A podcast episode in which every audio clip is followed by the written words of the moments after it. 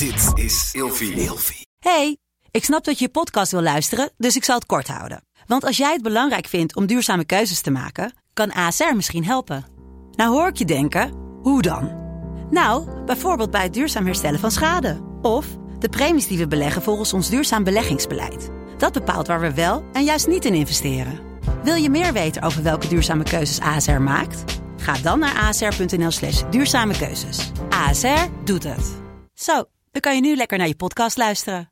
Vroeger. Meneer de Munnik, we bespreken deze week het onderwerp Waffen SS. En in deze laatste aflevering hebben we altijd een verhaal in de categorie overtuigingen en mythologieën. We gaan het hebben over de Arische Ubermensch. Oké, dan mag ik losgaan, hè? Nou, luister. De SS kwam voort uit een eh, stel geleerde en sociaal gestoorde gekken... die dachten dat ze een gemeenschap konden oprichten die de toekomst kon veranderen. De Thule-gemeenschap. En ze geloofden echt dat zij een nieuwe wereldorde konden bewerkstelligen. Dat zou dan bestaan uit de Arische mens.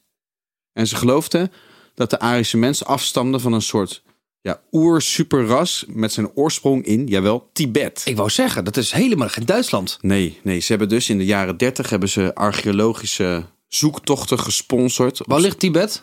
Eh, Nepal. Waar ligt Nepal? Eh, China. Ja, daar. Oké. Dus een beho- behoorlijk eentje lopen. Wat ze dus deden, was ook zoeken naar bijvoorbeeld de Heilige Graal.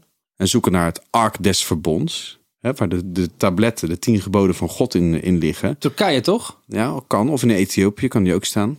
Ehm, de Ark van Noach bedoel jij? Die is in, in Turkije waarschijnlijk gevonden, denken ze.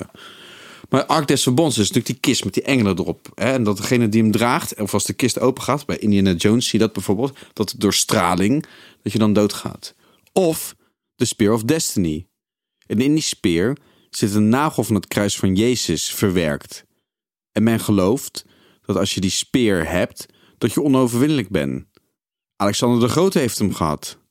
En Hitler heeft hem gehad. Maar Hitler is toch dood? Nou, weet je wat dus het verhaal gaat? Dat de SS in een grot die speer is verloren aan Amerikaanse soldaten. En dat de- en binnen diezelfde week Hitler zelfmoord pleegde in zijn bunker in Berlijn. Mythologie. Fijn weekend. Vroeger.